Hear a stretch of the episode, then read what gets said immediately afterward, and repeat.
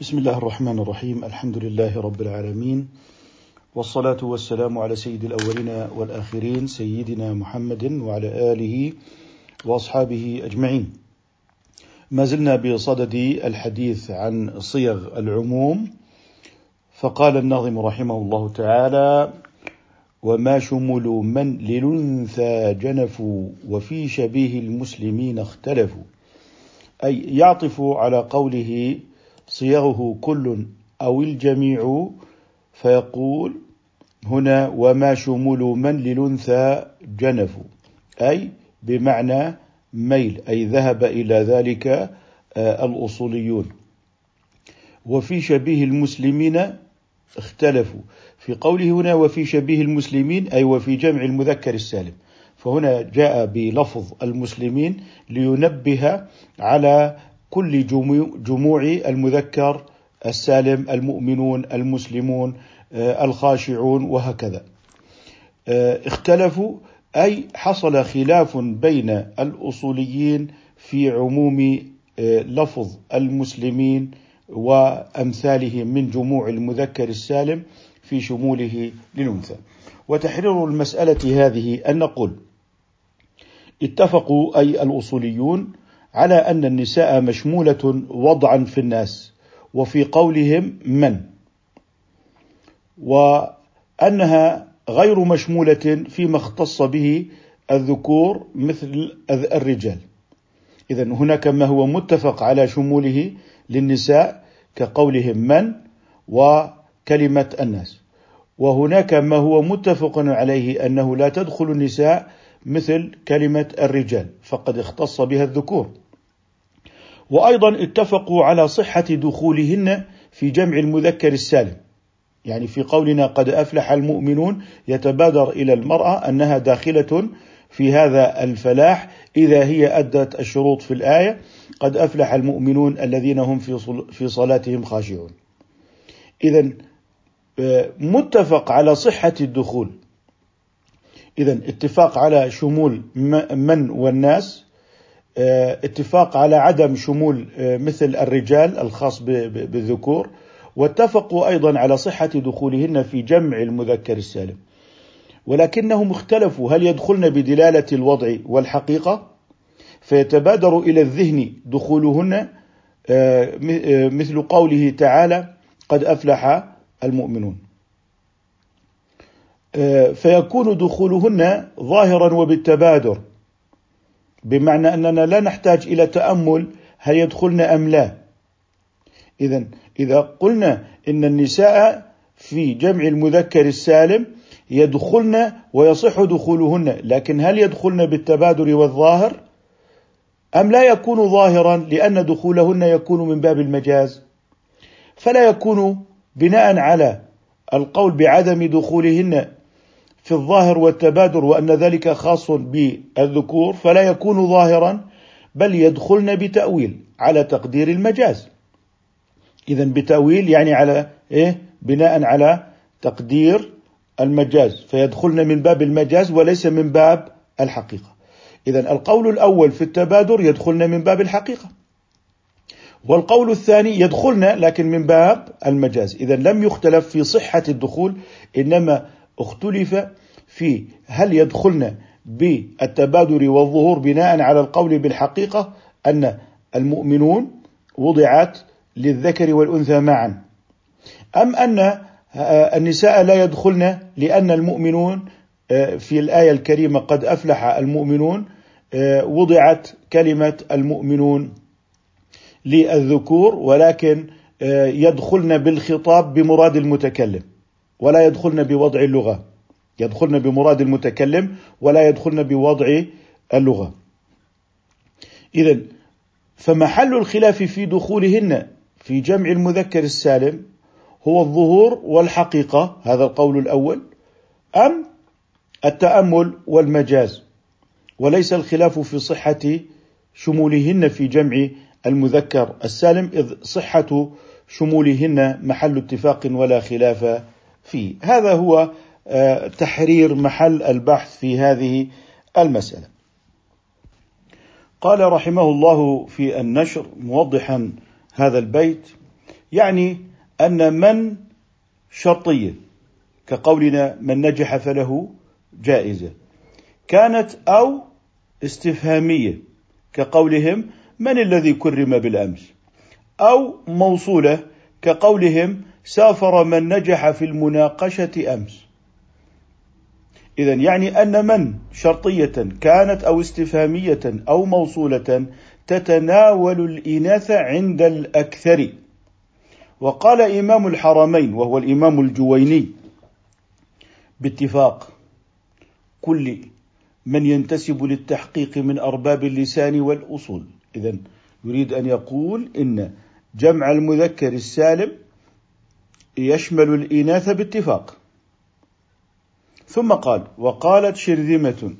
لأنه ممكن بعضهم يقول هنا كلمة شرذمة يعني مسيئة لأنها تستعمل في التصغير وهي من الفعل تشرذم.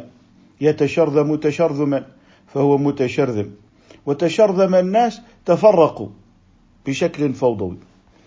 آه، لكننا لا نذهب إلى هذا الوصف إنما يريد أن يقول هناك قلة قليلة من العلماء فهو يعبر أن يع... آه، عن قلة. قال آه، وقالت شرذمة وإلا وهو فقد سبق أن وصفهم بالنجباء ويعني لابد من يعني الجمع بين الكلمة هنا والكلمة هناك فيظهر لنا أنه قد قال هنا بمعنى القلة القليلة. من الحنفية لا تتناولهن أي جمع المذكر السالم لا تدخل فيه الإناث. فقالوا في قوله صلى الله عليه وسلم من بدل دينه فاقتلوه لا يتناولهن فالمرأة عندهم لا تقتل بالردة. إذا يفهم من قول الحنفية أن من هنا لا تشمل الإناث لا تشمل الإناث وجاز خروجهن من من هنا التي بدأ يتكلم في فيها في عموم من فالمرأة عندهم لا تقتل بالردة ودليل الأكثر قوله تعالى أي دليل الأكثر وهم الذين قالوا بأن الإناث داخلات بالوضع واللغة في من التي ذكرها قد تكون شرطية واستفهامية وموصولية بحسب الأمثلة التي ذكرناها. قال ودليل الأكثر قوله تعالى: ومن يعمل من الصالحات من ذكر أو أنثى. إذ لولا تناولها الضمير يعود على من؟ للأنثى وضعا أي بالوضع اللغوي. هذا الوجه الأول كما ذكرنا الكلمة قبل التركيب. ولاحظوا هنا أن الأصوليين يتناولون الكلمة في دلالتها الوضعية قبل التركيب وفي دلالتها بعد التركيب وهذا هو الوجه الثاني. والوجه الثالث أنهم يجمعون الأدلة وذاك يعني من عمل الفقيه الأصولي. إذا في قوله هنا إذ لولا تناولها أي تناول من؟ للأنثى. وضعا لما صح أن يبين بالقسمين. طيب لما قال من يعمل ثم جاء بمن؟ التبعيضية. من الصالحات. ثم جاء بمن التبعيضية من ذكر أو أنثى. إذا هنا لما جاء بمن التبعيضية إذا معنى ذلك أن في قوله تعالى ومن أن من هذه بعضها ذكر وبعضها أنثى لأن من هنا تبين آه، عناصر وأجزاء من.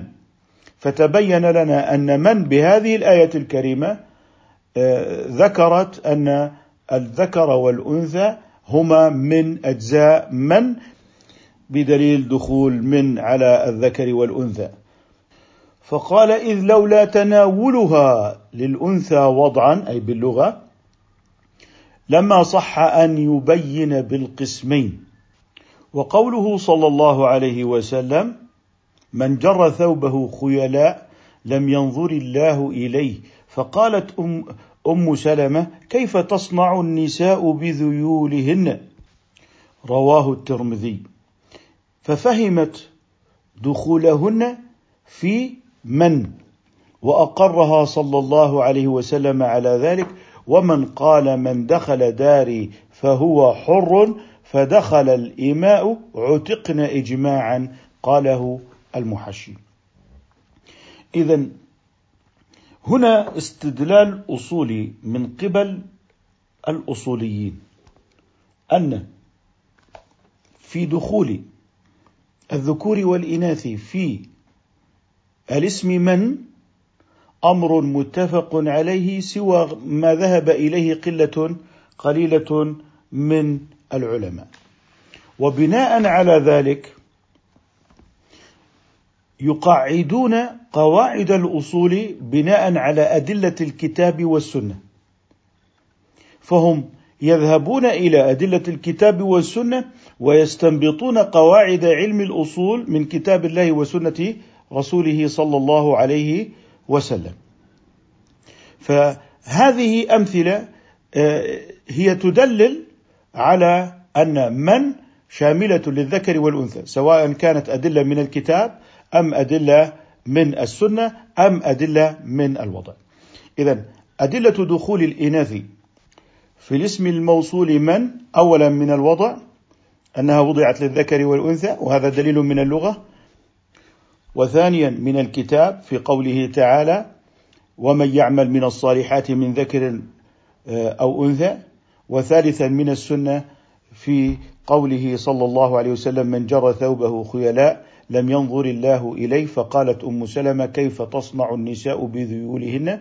فهذه آه، المؤمنة أم سلمة رضي الله عنها من أهل اللغة وفهمت أنها داخلة في الاسم الموصول من.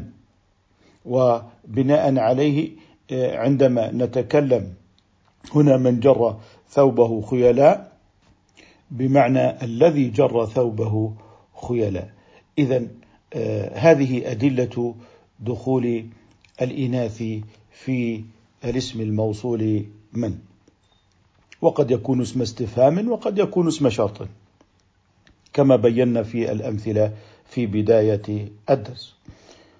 قوله وفي شبيه يعني أنهم اختلفوا في جمع المذكر السالم كمسلمين ونحوه هل يدخل فيه النساء ظاهرا إذا محل الخلاف ليس في صحة الدخول. إذا آه، هل يدخلن ظاهرا أي بالتبادر؟ والتبادر هو علامة الظهور.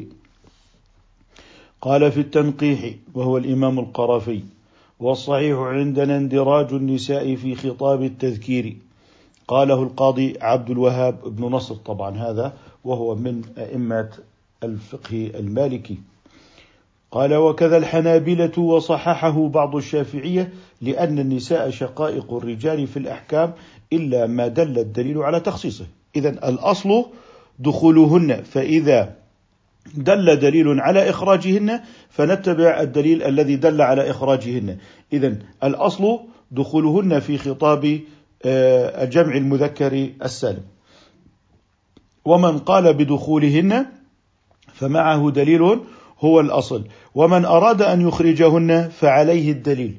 إذا من قال إن النساء لسن مشمولات فعليه الدليل. أما إن قال إنهن مشمولات في جمع المذكر السالم فهذا دليله الأصل والأصل دليل بنفسه.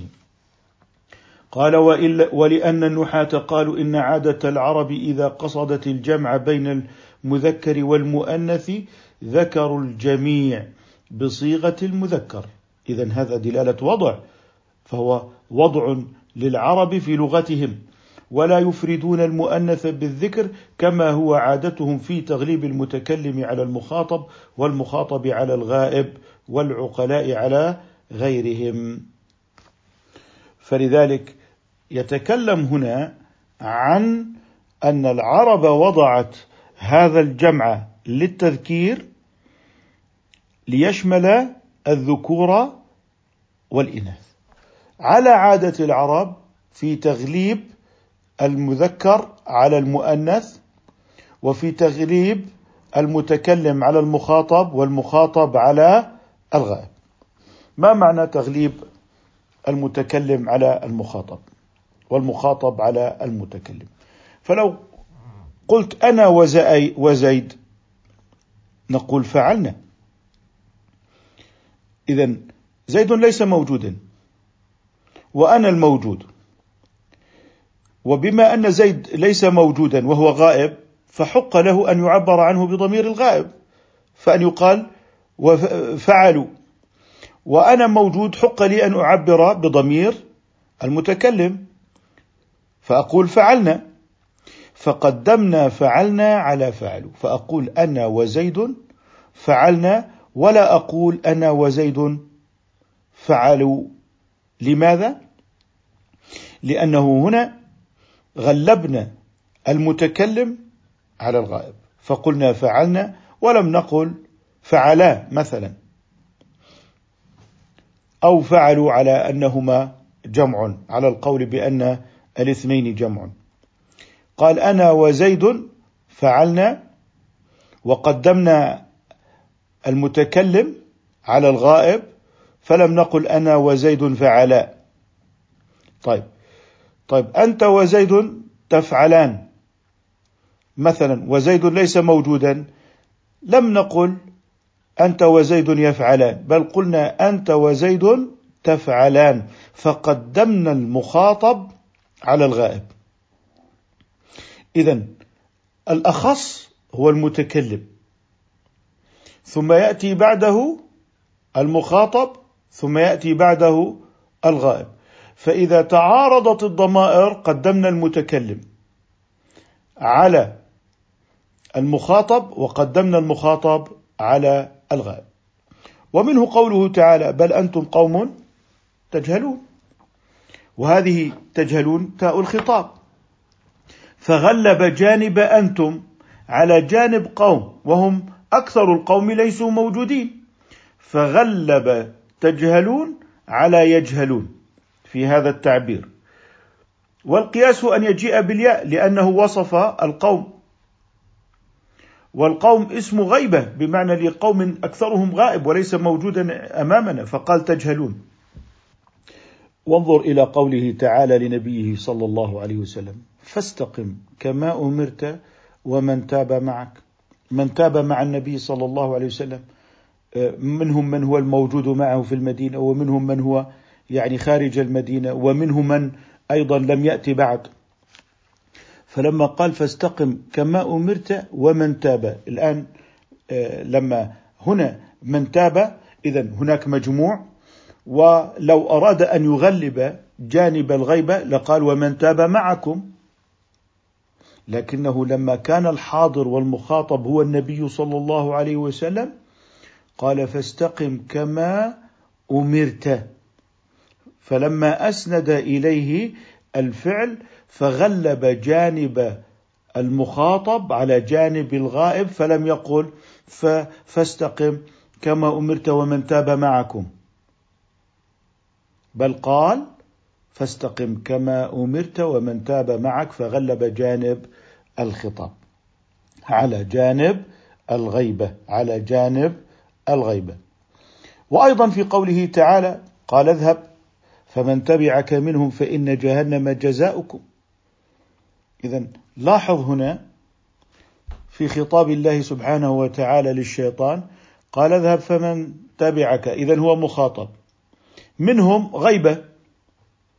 ثم قال فإن جهنم جزاؤكم ولم يقل جزاؤهم اللي هم من تبع الشيطان مع أنهم غائبون.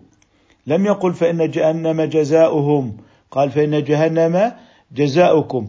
فغلب جانب الخطاب على جانب الغيبة. فغلب جانب الخطاب على جانب الغيبة. وأيضا فإن من شأن العرب أيضا أن تغلب فنقول الأبوان.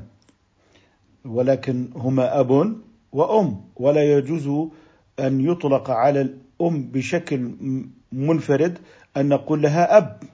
وبالتالي هذا يسمى من الملحقات بالمثنى ولا يجوز أن يسمى مثنى لعدم صحة إطلاق أب على أم. كذلك نقول القمران عن الشمس والقمر تغليبا لجانب القمر وظهوره في الليل. وكذلك نقول الأسودان آه، التمر والماء فالماء ليس أسودا ولا يجوز على جهة الانفراد أن نقول بما أننا سمينا التمر والماء بالأسودين أن نقول يجوز أن نطلق على الماء على جهة الانفراد أنه أسود. ذلك لأن ذلك كان من جهة التغليب. ولذلك هنا ملاحظة أن العلماء في استمداداتهم من آه، اللغة في بيان علم الأصول رأينا أنهم آه، آه، يتتبعون كلام العربي في قواعدهم وذلك لاستنباط الأوضاع اللغوية لأن القرآن الكريم قد تكلم بالأوضاع اللغوية. وهنا نشير إلى أن من استمدادات علم أصول الفقه اللغة العربية وهذا مثال لدينا في تغليب جمع المذكر آه، السالم. في أننا آه، ذكر آه، جمع المذكر السالم ودخلت فيه الإناث من باب التغليب وهذا بالوضع هذا بالايه؟ بالوضع على القول الأول الذي ذكرناه وعلى المجاز بالقول الثاني. اذا ذكر هنا التغليب في دخول الإناث آه، في خطاب المذكر وكما ذكر أيضا أن هناك وجوها للتغليب كتغليب آه، المتكلم على المخاطب والمخاطب على الغائب ثم قال والعقلاء على غيرهم. أي تغليب تغليب العقلاء على غيرهم. وانظر إلى الخطاب في قوله سبحانه وتعالى ألم تر أن الله يسجد له من في السماوات ومن في الأرض والشمس والقمر والنجوم والجبال؟ والشجر والدواب. طيب. آه، وكثير من الناس وكثير حق عليه العذاب.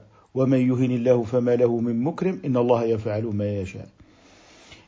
اذا ألم ترى أن الله يسجد له من في السماوات ومن في الأرض؟ أي كل من في السماوات وكل من في الأرض. ثم قال والشمس والقمر. وكل ما ذكره هو إما من السماوات وإما من الأرض والشمس والقمر والنجوم والجبال. فهنا غلب العاقلين من الإنس والجن والملائكة على غيرهم فخاطب سبحانه وتعالى بقوله من؟ وذكر معهم من الداخلين في من؟ الشمس والقمر والنجوم. والجبال والشجر والدواب وهذه كلها لا تعقل. ثم قال وكثير من الناس وكثير حق عليه العذاب. اذا هنا من دخل فيها ما يعقل وما لا يعقل. من باب تغليب من يعقل على ما لا يعقل. اذا هذا التغليب في الوضع اللغوي له آثار في الأحكام. فإذا قلت فعلوا وافعلوا فهذا يعني أنك تخاطب المجتمع كله رجالا ونساء.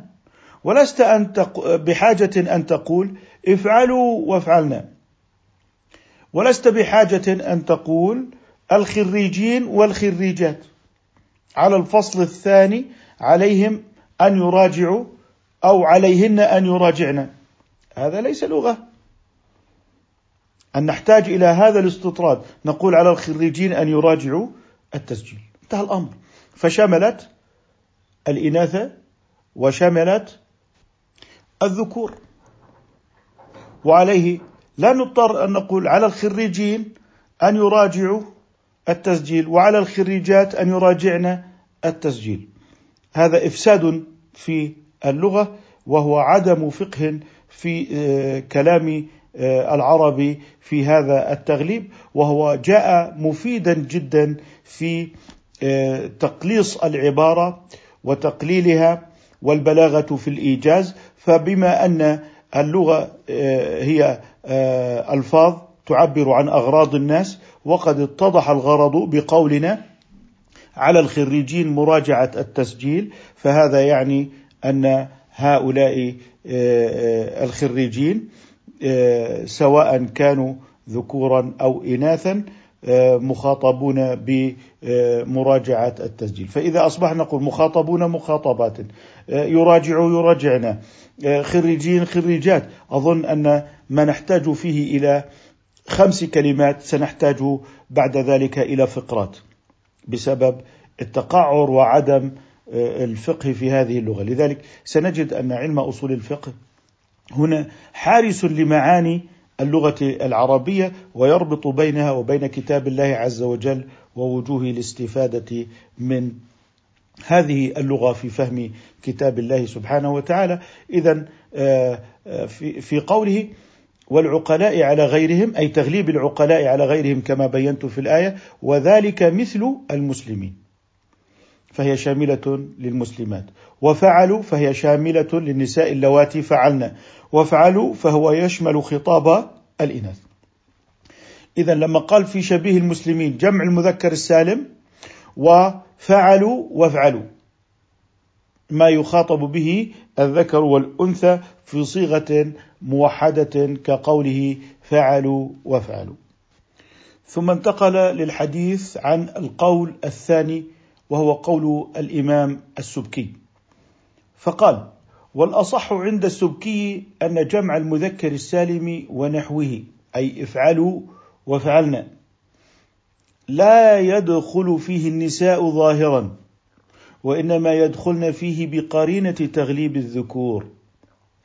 اذا هناك كانوا يتكلمون في القول الأول عن دخول النساء في افعلوا وفعلنا والمسلمين التي هي تنبيه على جمع المذكر السالم جميعا أنهم كانوا يقولون انه إنهن يدخلن بالوضع. هنا يقول لك إنهن يدخلن بقرينة التغليب لا بالوضع يعني بمراد المتكلم بمعنى أن هذا ليس ناشئا من الوضع اللغوي إنما لما كثر أن نخاطب المجتمع أو أن نخاطب الناس بجمع المذكر السالم فأصبحنا يدخلنا من باب التغليب في الاستعمال وليس باعتبار اللغة. في الاستعمال وليس باعتبار اللغة. اذا القول الأول الوضع اللغوي. في افعلوا. وفي المسلمين. وفي فعلوا. النساء داخلة بالوضع الأول. القول الثاني وهو الذي يتكلم فيه الإمام السبكي يقول إنها وضعت وضعا أولا للذكور فقط افعلوا وفعلوا.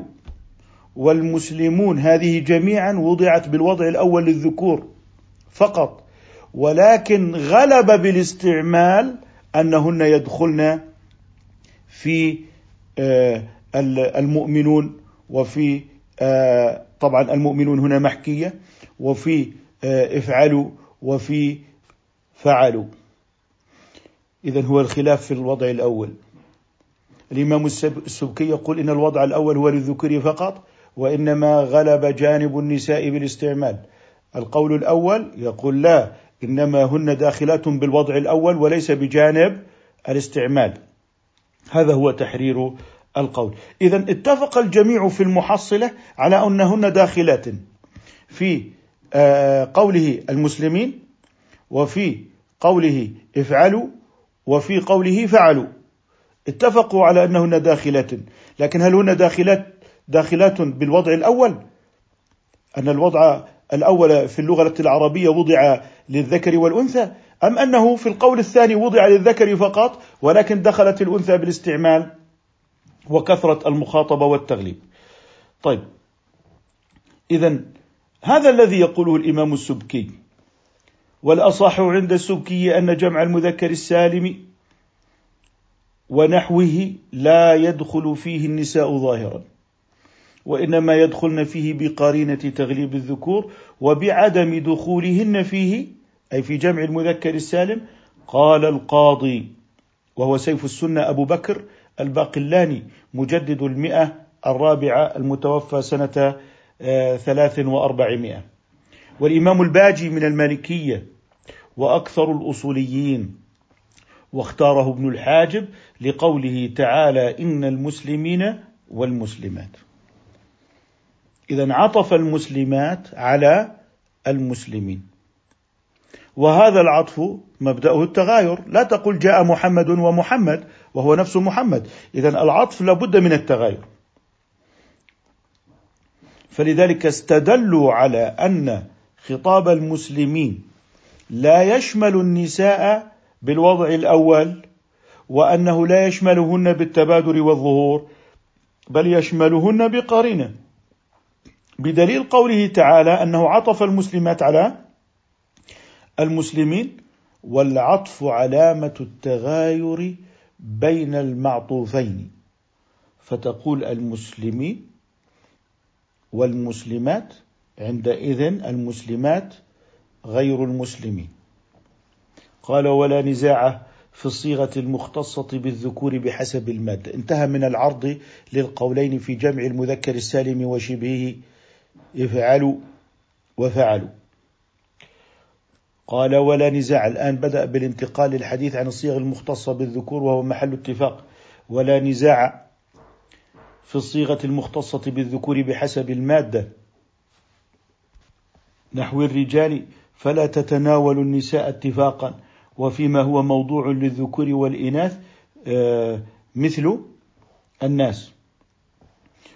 ومن وإنما النزاع فيما هو بحسب المادة موضوع لهما. هو النزاع في حسب المادة موضوع لهما وهو جمع المذكر السالم وافعلوا وفعلوا وبحسب الصيغة موضوع للذكور خاصة. إذا إذا هو بحسب المادة افعلوا وفعلوا والمسلمين هذا بحسب المادة يشمل الذكور والإناث. لكن صيغته موضوعة للذكور خاصة. هنا تفريق دقيق. لاحظ قوله وإنما النزاع فيما هو بحسب المادة موضوع لهما. إذا وضع للذكور والإناث. المسلمون وضع للذكور والإناث. وافعلوا وفعلوا كذلك. وبحسب الصيغة موضوع للذكور. تسميه جمع المذكر السالم. إذا هو بحسب الصيغة موضوع للذكور. وحاصله أن تغليب الذكور على الإناث والقصد إليهما جميعا ظاهر ومبني على قيام القرينة. عندما قال هنا وحاصله يريد أن يعطي خلاصة سيقول لك إن الذين قالوا بدخول الإناث في جمع المذكر السالم ونحوه بالوضع اعتمدوا على القرائن. وإن الذين أخرجوهم أي أخرجوا النساء من جمع المذكر السالم أيضا معتمدون على القرائن. وكلا الفريقين معتمدون على القرائن في تحرير دخول النساء في جمع المذكر السالم مع أن الجميع متفق على صحة الدخول وهذا الاتفاق على صحة الدخول فيه ثمرة كبيرة من حيث إننا نقول إن الأصل أنهن يدخلن في جمع المذكر السالم ومن أدخلهن في جمع المذكر السالم فلا يخطأ. وله مستنده من اللغة وأدلة الشرع. انتقل للحديث عن جمع التكسير فذكر في هذا الجمع قال ومن المتنازع فيه أي من المختلف فيه صوام نحو صوام وقوام من جموع التكسير بخلاف صوم وقوم فإنه لا يخص المذكر قال ابن مالك وفعال لفاعل وفاعلة وصفين نحو عاذل وعاذلة ومثله الفعال فيما ذكر وذان في المعل لا من ندر العجز في البيت الثاني ليس موجودا في الأصل ولكن أضفته من باب التوضيح لهذا القول. إذا يريد أن يقول إن صوم وقوم من جموع التكسير يدخل فيه الذكور والإناث. أما صوام وقوام هذا خاص بالمذكر. إذا وفعل لفاعل وفاعلة أي ما كان على وزن فعل ما كان على وزن فعل كصوم وقوم فهو جمع لقائم وقائمة. إذا قوم هو جمع لقائم وقائمة وصوم هو جمع لصائم وصائمة كما ذكر ذلك هنا آه، ابن مالك بمعنى آه، لما يعبر ابن مالك بالمثال فإنما أراد الشروط. أن يكتفي بالمثال عن ذكر الشروط. فلما قال وفعل لفاعل وفاعلة وصفين نحو عاذل وعاذلة إذا هو يتكلم ما كان على وزن فاعل ومؤنثه على وزن فاعلة بهاء. ولذلك تعبير النحاة لا يقولون التاء المربوطة يقولون هو عاذل وهي بهاء إذا مؤنثه عاذلة. إذا في قوله في جمع التكسير فعل فإنه بدلالة الوضع اللغوي آه، يدل على آه، الذكر والأنثى بشرط أن يكون الوصف للذكر على وزن فاعل وهي بها أي بمعنى عاذلة بالتاء المربوطة. ثم قال ومثله الفعال فيما ذكر. الفعال أي كصوام وقوام. فيما ذكر. فإذا قلت صوام وقوام فأنت جمعت صائما وقائما ولم تجمع صائمة وقائمة. فالفعال لا يصلح لجمع صائمة وقائمة وصائم وقائم. بل إن الذي يصلح لهما جميعا هو وزن فعل. هو وزن إيه؟ فعل.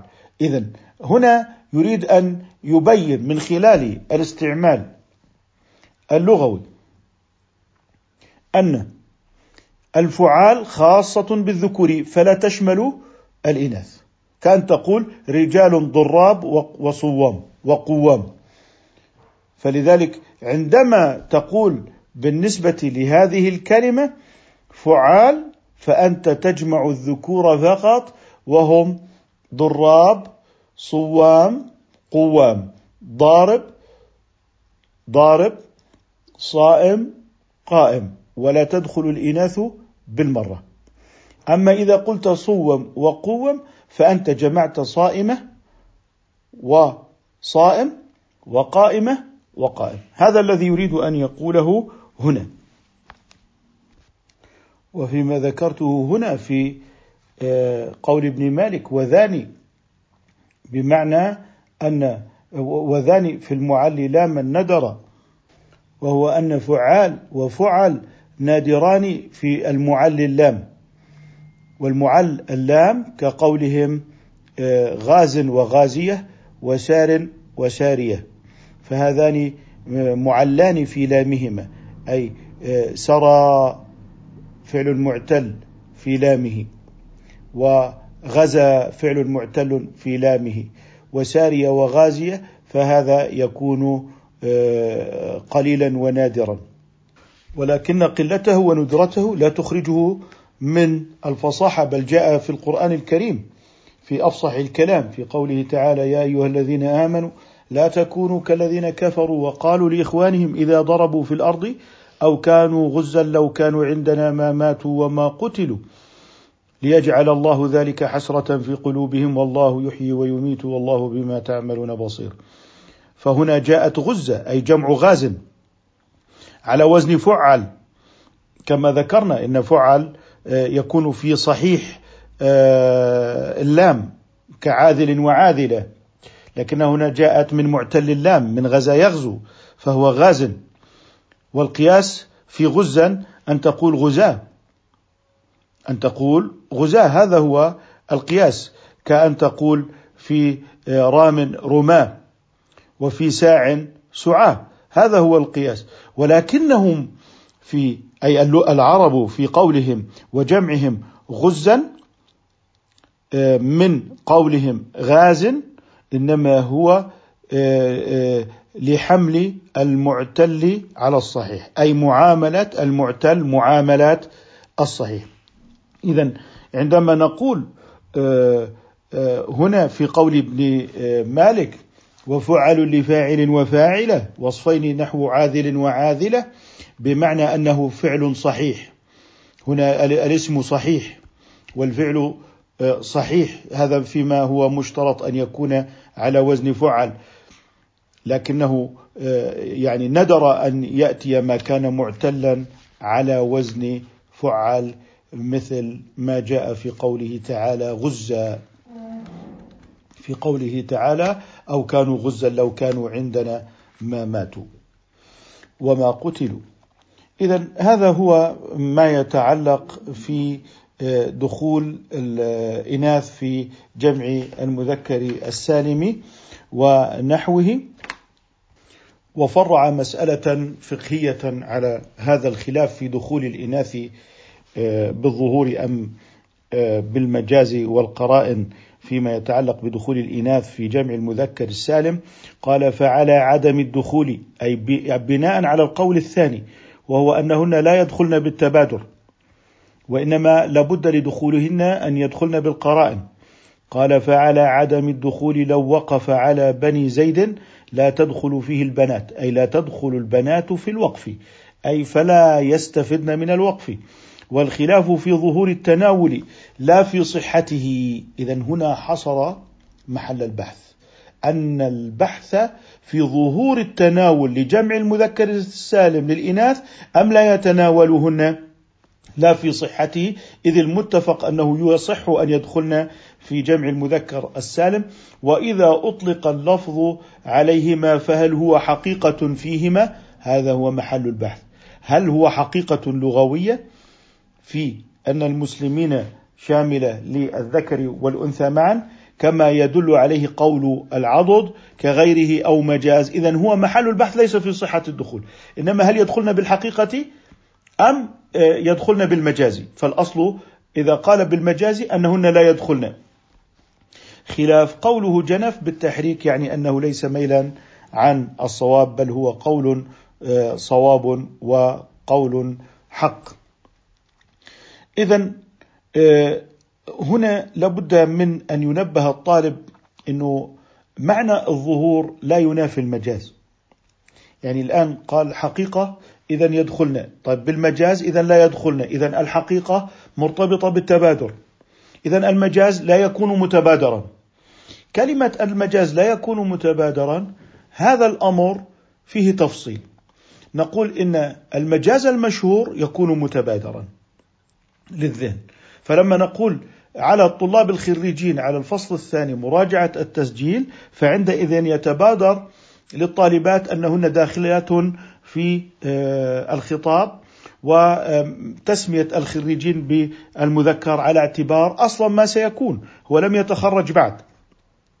وبالتالي عندما نطلق على الطالب في فصل التخرج أنه خريج اذا هو يكون من باب المجاز المشهور وهذا المجاز المشهور على اعتبار ما سيكون وإن لم يتخرجوا بعد. وهذا مجاز مشهور متبادر صار كالحقيقة. ولكننا لم نقل إنهم خريجون على الحقيقة بل على اعتبار ما سيكون. اذا لا نريد أن نقول إذا كان مجازا فعندئذ إنه لا يكون متبادرا. فالمجاز المشهور متبادر. المجاز المشهور متبادر. فيعني عندما يقول فلان ذهب للخلاء هو الخلاء كان الفضاء الخارج للمنزل. لكن الخلاء أصبح داخل المنزل فصار الخلاء هنا مجازا مشهورا ومتبادرا. عندما نقول محطات المحروقات هي لم تحرق بعد. هي ما زالت قبل أن تحرق ولكن على اعتبار ما سيكون. اذا آه، محطة المحروقات المحروقات هنا مجاز مشهور.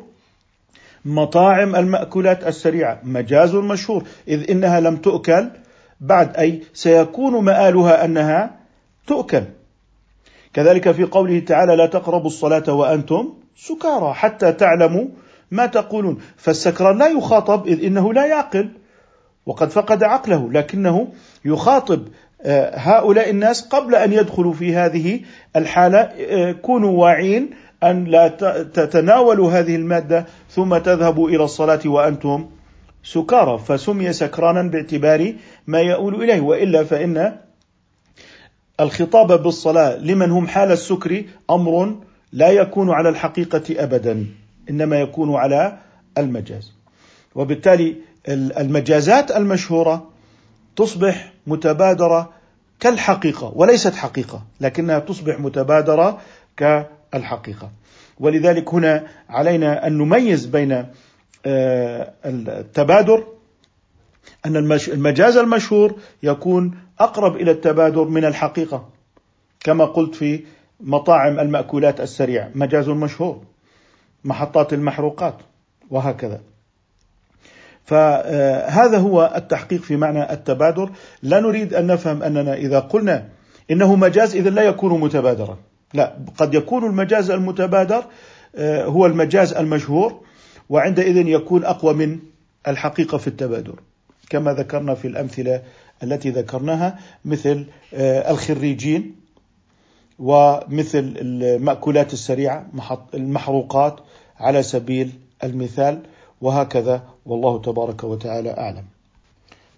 أما قوله في النشر قوله جنفوا بالتحريك أي محركة بمعنى فتح الأول والثاني. بالتحريك أو محركة دائما تدل على فتح الأول والثاني. نكتفي بهذا القدر إن شاء الله تعالى. سبحانك اللهم وبحمدك نشهد أن لا إله إلا أنت نستغفرك ونتوب إليك.